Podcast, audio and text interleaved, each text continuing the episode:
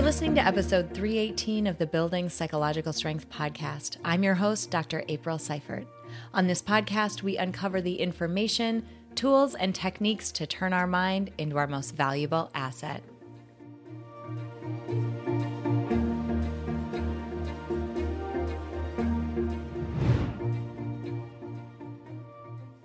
Welcome back to the Building Psychological Strength podcast. On this podcast, we explore the very nature of our minds, how they work, and how they shape our life experience. We believe that life is finite and precious. We know that our minds provide a powerful lens through which we experience the world, and we choose to take responsibility for building psychological strength to craft a life experience that's worth living. I'm Dr. April, a social cognitive psychologist and a life design strategist, and I'm so glad that you are here. Today, during this episode, we will be speaking with Alex Morrell. He is the founder of the Twin Cities Wellness Collective, and he's also the host of a podcast by the exact same name. And he and I have known each other for a little while, and I saw some of his most recent posts on LinkedIn, and they were all about this new paradigm of work that we're all experiencing. You know, many of us who are knowledge workers or people who would typically work in a desk office environment have found ourselves working from home during the pandemic. But as we look ahead, it looks like this could be part of the way that we work, maybe indefinitely. And so he and I had this great conversation about, you know, there are incredible things that working from home and, and, you know, more flexible work arrangements bring. But there are also some areas that we need to keep in mind to be able to support our mental health and to support our overall well being. So, we have this great conversation. We actually tie in some of the more fundamental, foundational, positive psychology work of Martin Seligman, his famous PERMA model, it's a really great conversation. So, if you are someone who is working in this new model that includes remote or flexible work, you're not going to want to miss this interview.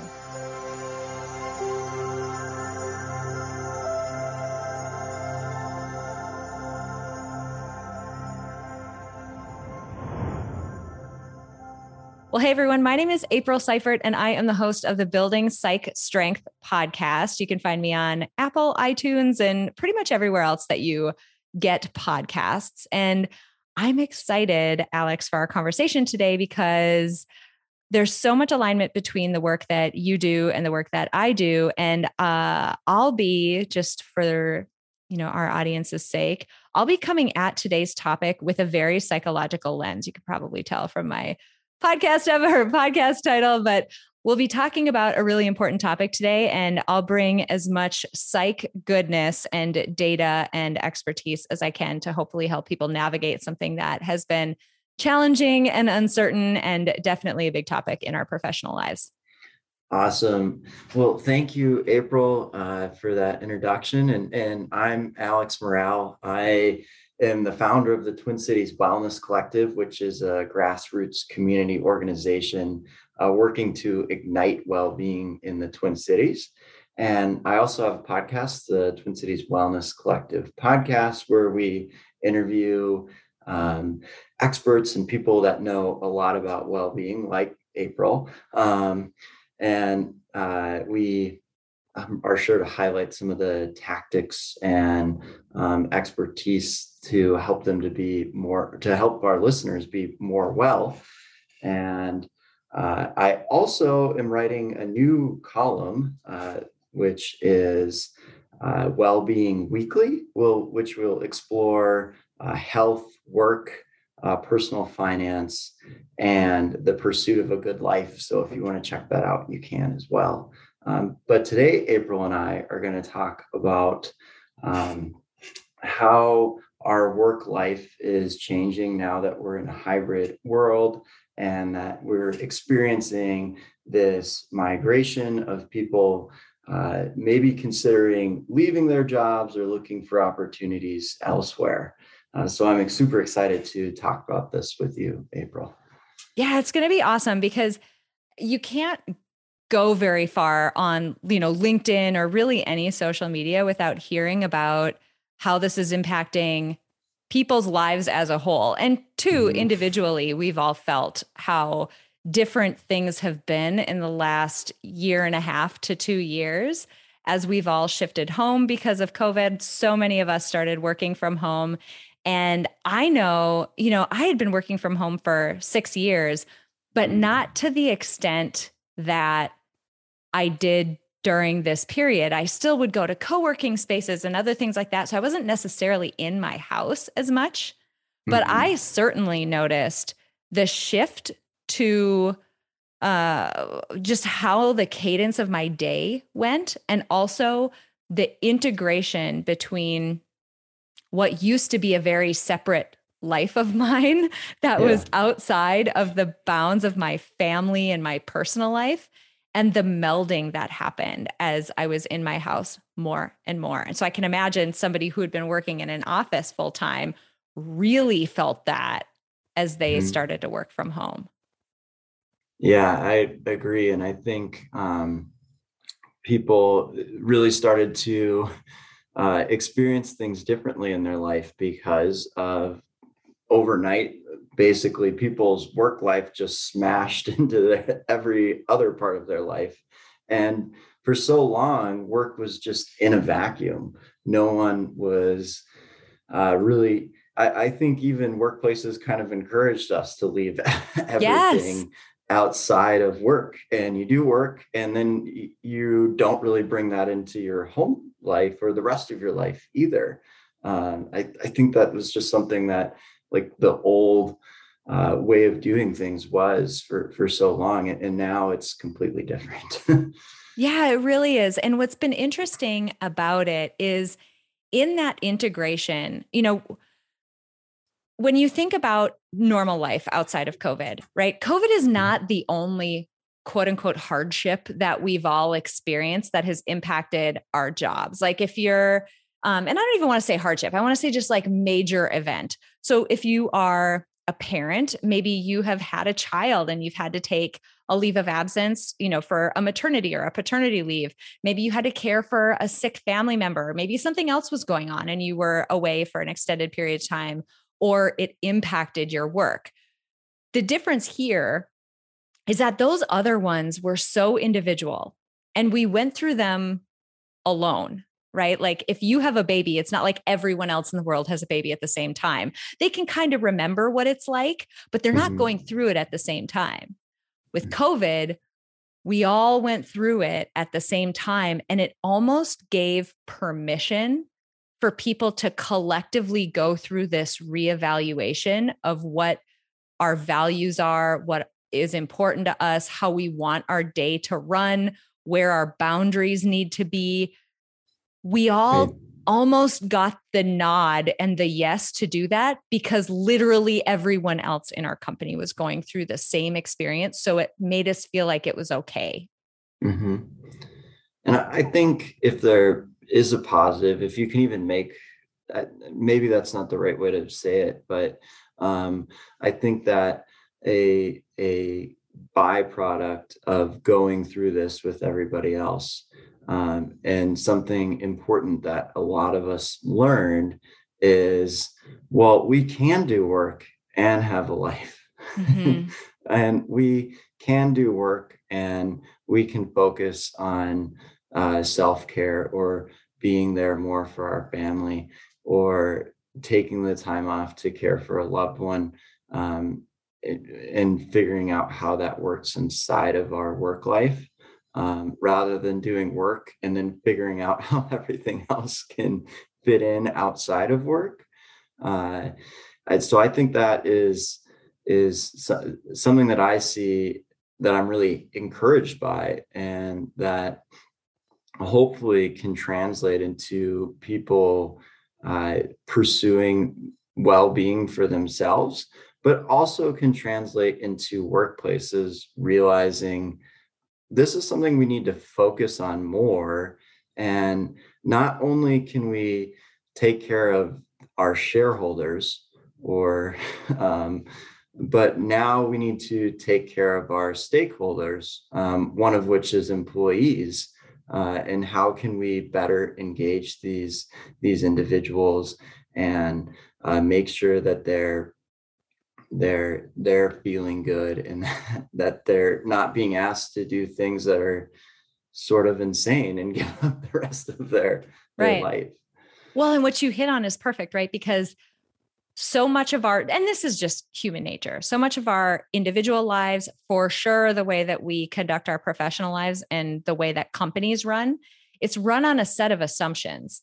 And lots of times they're unchecked assumptions. We operate as though they're fact, mm-hmm. but they're really just untested assumptions. And one of those was, we have to be there. We all have to be on premises. And mm-hmm. this proved no, we absolutely do not have to. And there were companies, a number of them, a former employer of mine, whose headquarters workers, like everyone else, ended up going and working from home, who did exceedingly well during the pandemic. And a lot of that is due to just the mm-hmm. degree to which people were able to be more productive when they mm-hmm. weren't being interrupted as much. There were just so many things. Now, I don't want to discount the challenges, right? Like people who were trying to do distance learning while they were working, you are heroes. All of those aspects of this, the fear that we all went through, you know, the loneliness, the uncertainty, those all were mm. factors. And we're going to get into that in a bit. Yeah. But some of the benefits that we got from it, it provided proof that those assumptions we were operating on were faulty. Mm-hmm. Right. Yeah. yeah. Yeah. And I, I think that I'm just happy to see people test those assumptions um, and we and push back against the the norm a little bit. And I think a lot of people have found that and you can look at different polls and people are like, I want to stay remote or at least remote in some capacity or, or be hybrid. Um, and I think it's because they have more flexibility and and time to do things that they care about and uh, actually feed them in a way that work might not completely. Mm-hmm.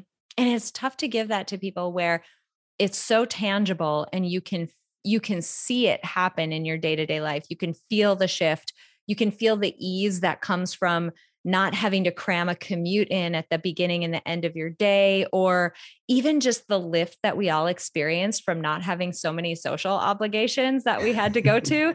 it was just lovely to have so much space in our calendar that to mm-hmm. take that back will be difficult. And I think that's, you know, as you were alluding to, why we're starting to see. I, I read an article that started, they called it the great resignation. Like, the mm-hmm. biggest migration of workers between companies as people start to think about okay is the culture of my company going forward truly the culture that I want to work in and if not do I need to go somewhere else and it's this big shifting around of people and companies a magnitude of which we have never seen before mm-hmm.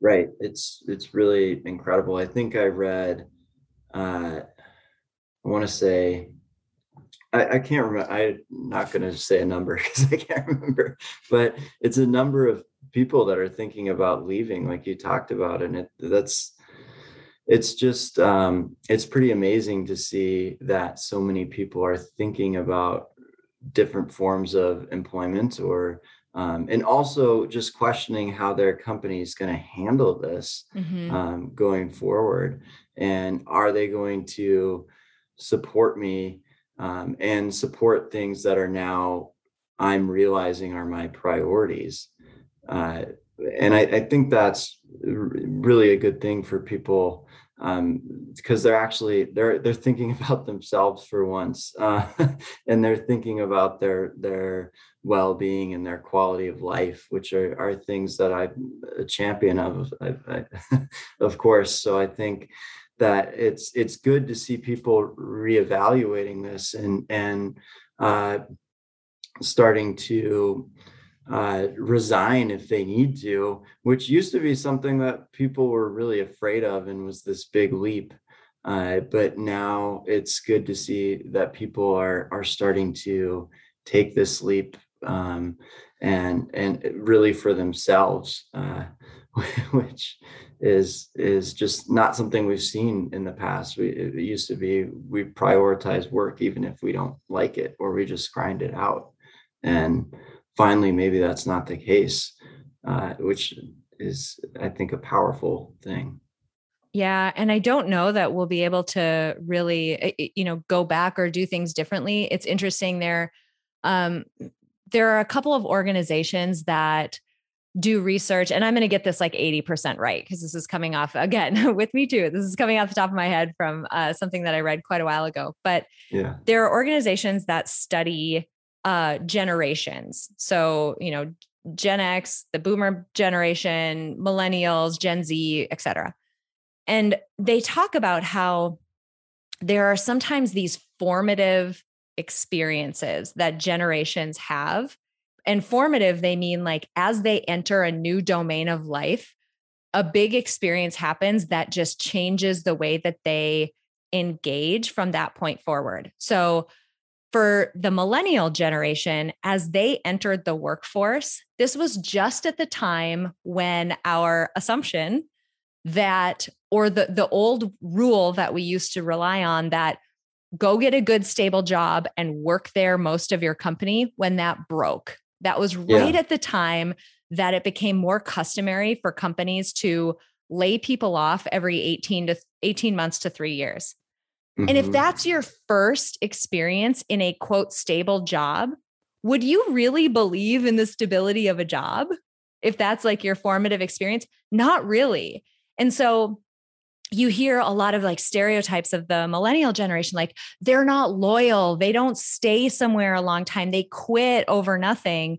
but if you mm-hmm. think about it in the context of that formative experience it actually makes sense like well of course they wouldn't because they got to a job they were promised that would be stable and then they got laid off every 18 months like why would you be loyal and stay so i'm thinking about this experience this hybrid model working from home super eh, changing, uncertain landscape as what type of formative experience is this going to be for mm-hmm. Gen X and some of the, you know, younger Gen Y generation as they're coming into work and this is the experience that they're having. Right.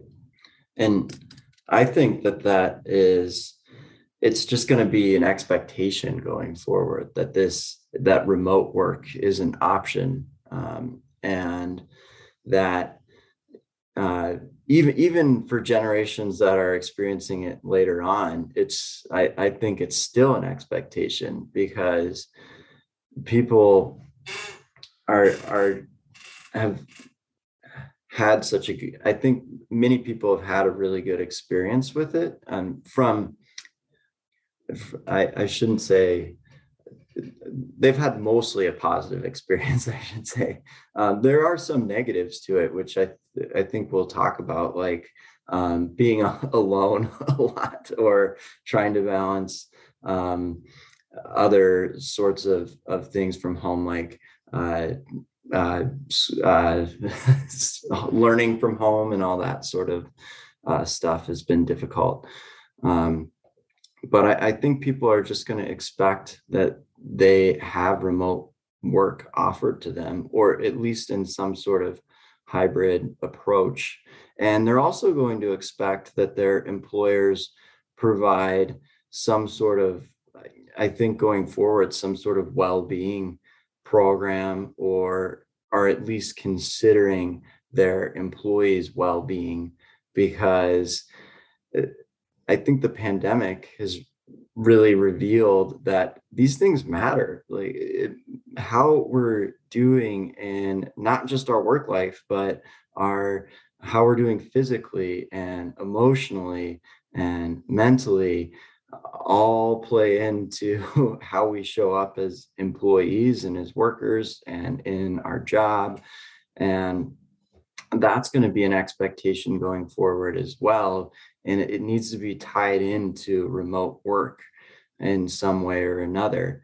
Uh, so, and employers are going to have to start to pay attention to what their employees need um, and and provide them with that, or they're going to find somewhere else to work. Yeah, you're absolutely right. It reminds me of uh, we've talked about it a lot on uh, my podcast. Some of Martin Seligman's work in positive psychology. It's some of the most formative foundational work of positive psychology, and it's the PERMA model. So if you want to Google this, people listening, it's P E R M A. It's an acronym, and these are basically the five biggest factors that his research showed lead to what he would call a good life. So this is a balanced life, not one that's void of any challenge, that's impossible, but one where you're bobbing and weaving with the challenge of life and you're largely coming out feeling resilient and above mm-hmm. water and and able to enjoy the good things that life has to offer. And so this acronym, the P in it stands for positive emotion. So obviously, are we feeling good from time to time? Do we have some positive um, emotion and does that outweigh the negative? Um, the E stands for engagement. So, are we doing activities? Sometimes this gets linked with a flow state. So, are we doing activities that we get immersed in and that we feel like are really engaging? Um, the R are stands for relationships. These are positive, close, supportive relationships. Uh, the M stands for meaning. Is there something bigger than me that I am working toward? And then the A stands for achievement. Have I accomplished or achieved something officially, like something that feels like a big check the box or a finish line? And if you think about those, right? Positive emotion, engagement, relationships, meaning, achievement, every single one of them is interwoven. And it can either be interwoven in a good way or in a not good way with the way that we set up hybrid and flexible work.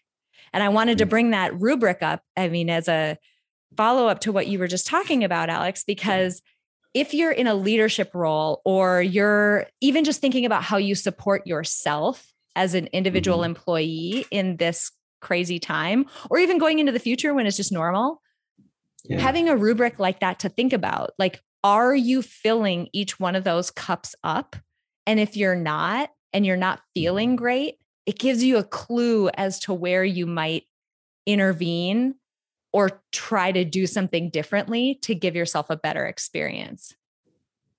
Yeah, I I really like that you're bringing this up, April, um, because like you said, it's it's a great rubric, uh, and I think this moment has given a lot of people the opportunity to actually hear themselves and listen to themselves and for so long, people maybe didn't do that as much or didn't give themselves that permission. Mm. Uh, but now people are are doing that, which I think is a really powerful thing. And we're starting to tap into some self-awareness a little bit and and using the perma model can can start to at least jump start our thought process a little bit on how am I feeling? Uh, and at me, if I'm thinking about myself, like I often don't, I will just put my head down and not think about these questions unless I force myself to. Um, and actually ask myself like and, and take some time to do some reflection and uh, uh, or something like like covid causes us to think about it um, or it's some sort of life transition, uh, like um, some sort of big life transition mm-hmm. that we mm-hmm. all have that can bring up these sorts of thoughts. Uh, but I'm I'm excited to see people think this way more and be more self-aware. Uh, and I think that once we we are more self-aware, we can start to determine what we want our future to look like. Uh, and and start to do um, some some sort of maybe some life design yeah. talk about april. Yeah. Yeah for sure. What i and what i think is awesome about what you were saying is the the notion of self-awareness the sneaky thing psychologically with stuff like this mm-hmm. is that we're not talking about even in the situation of covid maybe you can point out a few factors. Like in the beginning, remember when we didn't know anything and we were all really scared because we didn't know how severe it was. We had no really good tests. Like there was literally nothing. And so we were all really scared. Mm-hmm. put that aside. Like, so where we've been maybe in the last 10 months or so, mm-hmm. um, the real implications of this. So, any one of these, the positive emotion, engagement, relationships, meaning, achievement, a deficit in any one of those is not something that you're going to notice in a day. So, okay. Monday hits, you don't t- you don't have any real like positive relationship types of engagements. You might not notice. But what we don't realize psychologically is that these are the straws that break the camel's back. This is cumulative. And once we've reached that point where the camel, uh, this is a terrible analogy, the camel's starting to sag, it's got too many straws. I don't know, whatever. You get what I'm saying. Like you're starting to realize that mm. something's not right. Yeah. Because it's been a cumulative addition of all of these small individual elements it's hard unless you're really thoughtful, unless you're almost formulaic about it to figure out, you know what, I'm lonely. You may just be like, oh, I'm so crabby today, or oh, I'm just like depressed. This sucks. What mm-hmm. you might not, and you might use really like um, general language. I feel bad. Mm-hmm. When in reality, what it is is I feel lonely or I don't think I've gotten something done the last three weeks. Achievement. It's hard to think through what might be causing my quote bad amorphous mood unless you have a rubric where you can literally look at it and say, How many times in the last three weeks have I laughed, like truly laughed? How many times? Let's be honest. How many times in the last three weeks have I been so immersed in something that time stood still and I felt like I could do it forever? How many times in the last three weeks have I had a meaningful conversation, a deep one with somebody I love and trust? On and on and on. Like you can ask yourselves those yourself those things and realize, oh, I it's not that I feel bad it's that I haven't done anything. There's no levity in my life right now. There's nothing enjoyable. Yeah. I need to go do something fun. Like I'm going to go watch a stupid 90s comedy movie or something like that to perk mm-hmm. me back up. But you can't figure that out if it's just cumulative and you don't do that sort of diagnostic exercise um, because it all can get kind of misconstrued with each other. Right. And I'm I'm I like the sort of practical questions that you're asking. Uh, like, have I? How many times have I laughed, or or uh, some of those types of questions? Because yeah. I think that gives us an idea of how we can actually live this out or, or gauge how we're doing.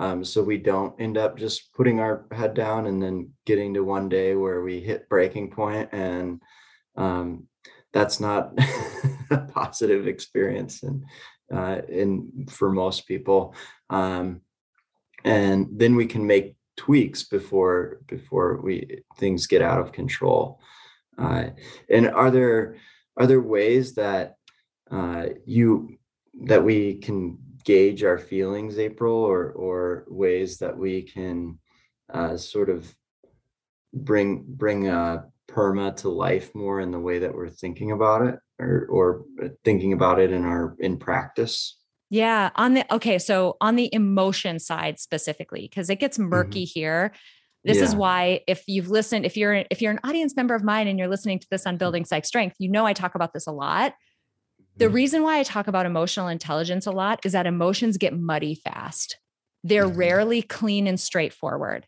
so uh, for example, um, you know, like I, I, always use an example of like being a parent. Um, you rarely have any clean emotions anymore because so my daughter uh, in the last few weeks went to kindergarten for the first time. I was so proud and devastated at the same time.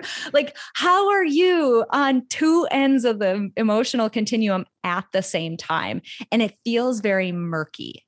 Um, the other example that I give to people is if you, let's say you had a big, uh, you had a big bucket and you took a bunch of uh, blue paint and that blue paint represents happiness and you dumped it into the bucket. And then you took some red paint, and that red paint represents anger, and you dumped it into the bucket. And then you took mm. green paint, and that represents jealousy, and you dumped it into the bucket, right? And on and on, all these different emotions, which are different colors of paint. And you stirred it up, and you look at the bucket, and you're like, what color is that? It's brown sludge. Brown. Yeah. it's sludge. Like, you can't look at that and say, "Oh, that's that's blue and red and green and yellow and purple."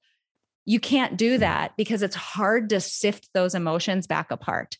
So the concrete thing that I tell people to do, go to Google, Google the term wheel of emotions.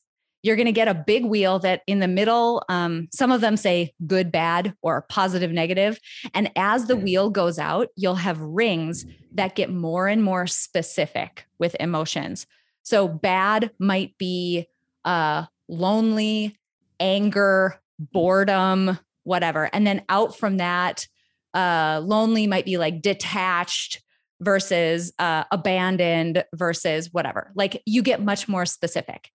Right. Pick at least the second ring out. If you want to go for extra credit if you're an overachiever, great. Go for the outermost ring on that wheel. Yeah. Think about the situation you're in and just ask yourself some questions like, okay, so I'm not saying I am, but if I were angry, what about this situation would make me angry? If I were excited, what about this situation would make me excited? If I were sad, what would make me sad? If I were happy, what would make me happy? If I were jealous, what would make me jealous? Mm-hmm. Because you're not admitting to it. Psychologically, we don't like to admit that we're jealous. We don't like to say that we're sad. We don't like to, you know, we don't love to admit to especially a lot of those more difficult emotions. But if you just like pose a question, like, let's say someone was, what about this would make them feel that way? And kind of try that on for size. I think what you'll realize is that the quote unquote feeling that you're having actually incorporates a lot of aspects of those things. You'll realize, like, no, actually, I am super jealous, or even maybe a little bit jealous of my friend who had this resource in her house that I didn't have during COVID. And my life was a little bit harder than hers. And yeah, there's a little bit of jealousy there.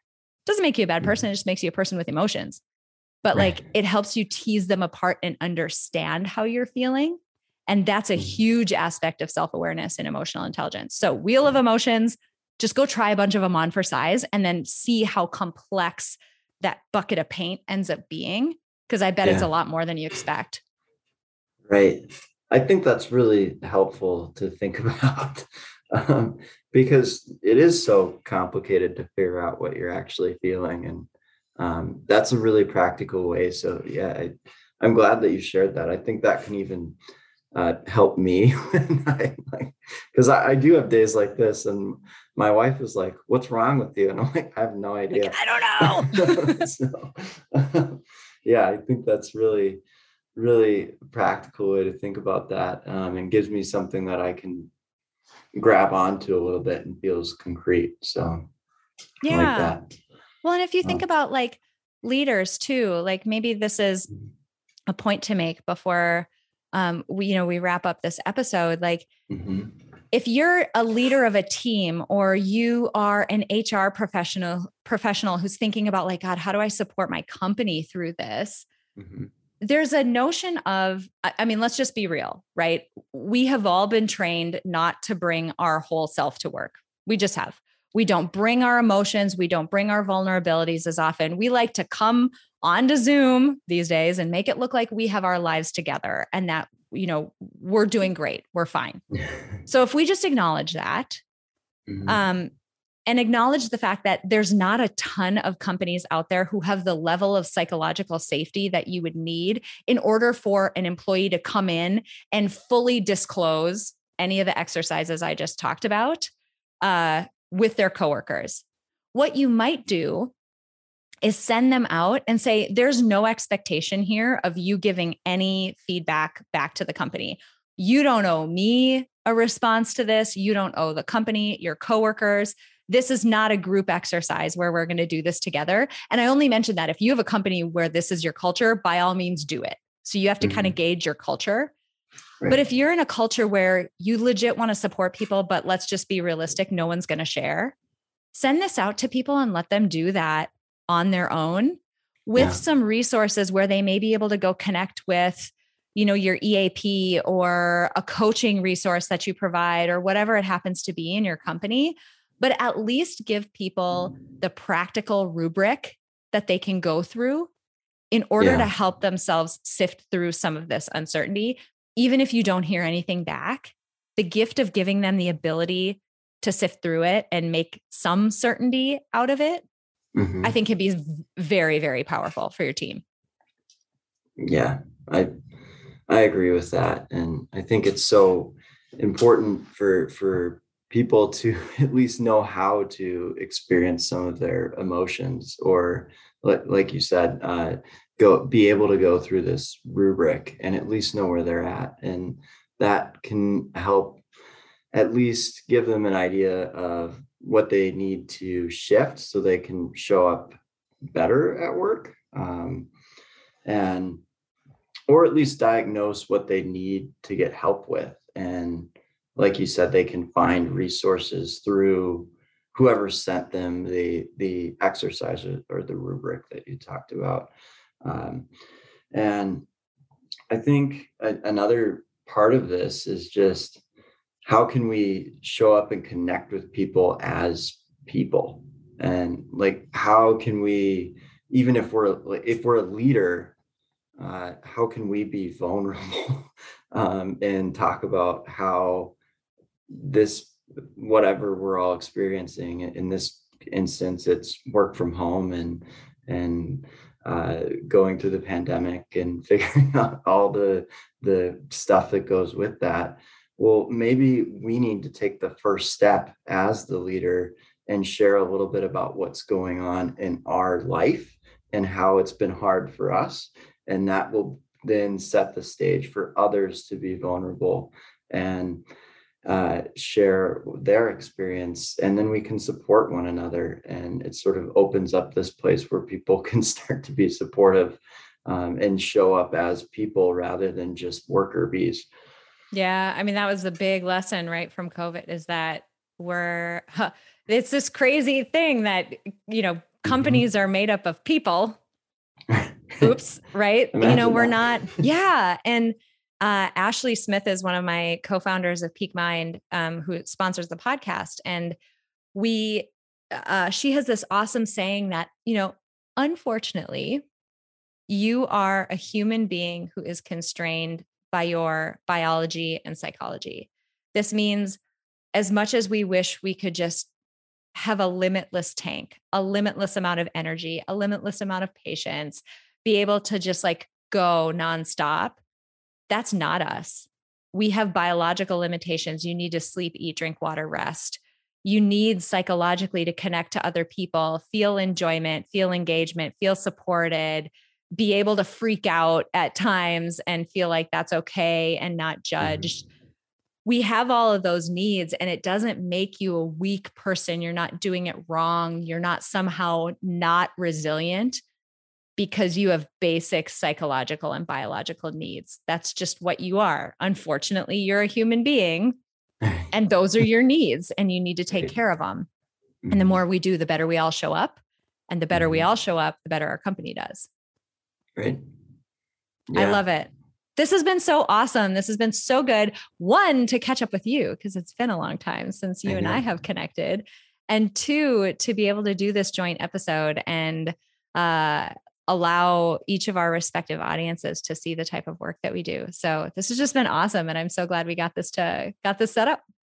Yeah, it's been great, April. And I, yeah, really appreciate the opportunity to talk with you and, and learn from you. It's been really fun.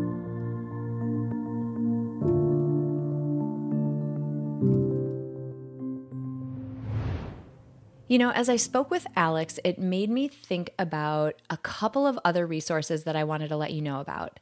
So, in this interview, we talked a lot about Martin Seligman's PERMA model. And if you're interested in learning more about it, it's actually really comprehensive and a really great model to know a lot about if you want to start applying this stuff to your life. You might want to check out Seligman's book, Flourish. It's all about how to apply the principles of positive psychology to your own life so that you can improve your life experience. And that is what we are all about on this podcast. You might also want to check out episode 251 of the podcast. It's called Preparing for the Post COVID Life Change.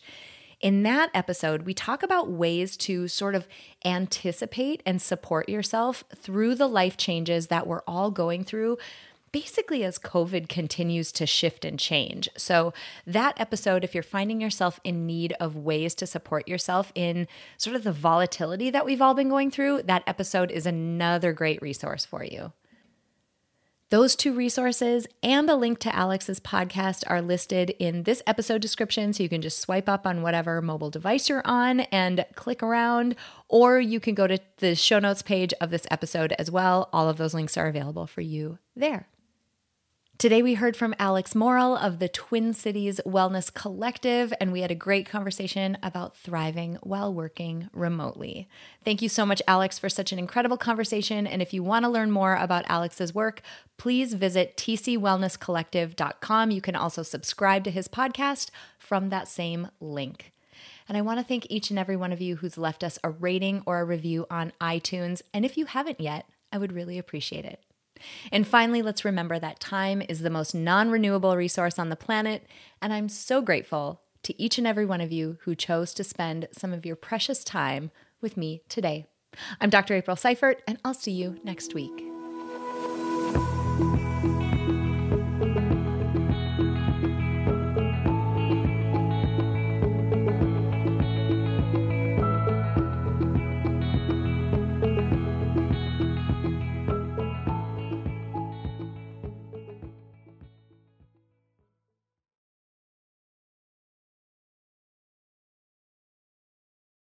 At Parker, our purpose is simple. We want to make the world a better place by working more efficiently, by using more sustainable practices, by developing better technologies. We keep moving forward. With each new idea, innovation, and partnership, we're one step closer to fulfilling our purpose every single day. To find out more, visit parker.com/purpose. Parker, engineering your success. As humans, we're naturally driven by the search for better. But when it comes to hiring, the best way to search for a candidate isn't to search at all. Don't search, match with Indeed. When I was looking to hire someone, it was so slow and overwhelming. I wish I had used Indeed. If you need to hire, you need Indeed. Indeed is your matching and hiring platform with over 350 million global monthly visitors, according to Indeed data, and a matching engine that helps you find quality candidates fast. Ditch the busy work. Use Indeed for scheduling, screening, and messaging so you can connect with candidates faster. And Indeed doesn't just help you hire faster. 93% of employers agree Indeed delivers the highest quality matches compared to other job sites, according to a recent Indeed survey. And listeners of this show will get a $75 sponsored job credit to get your jobs more visibility at Indeed.com slash podcast. That's Indeed.com slash podcast. Terms and conditions apply.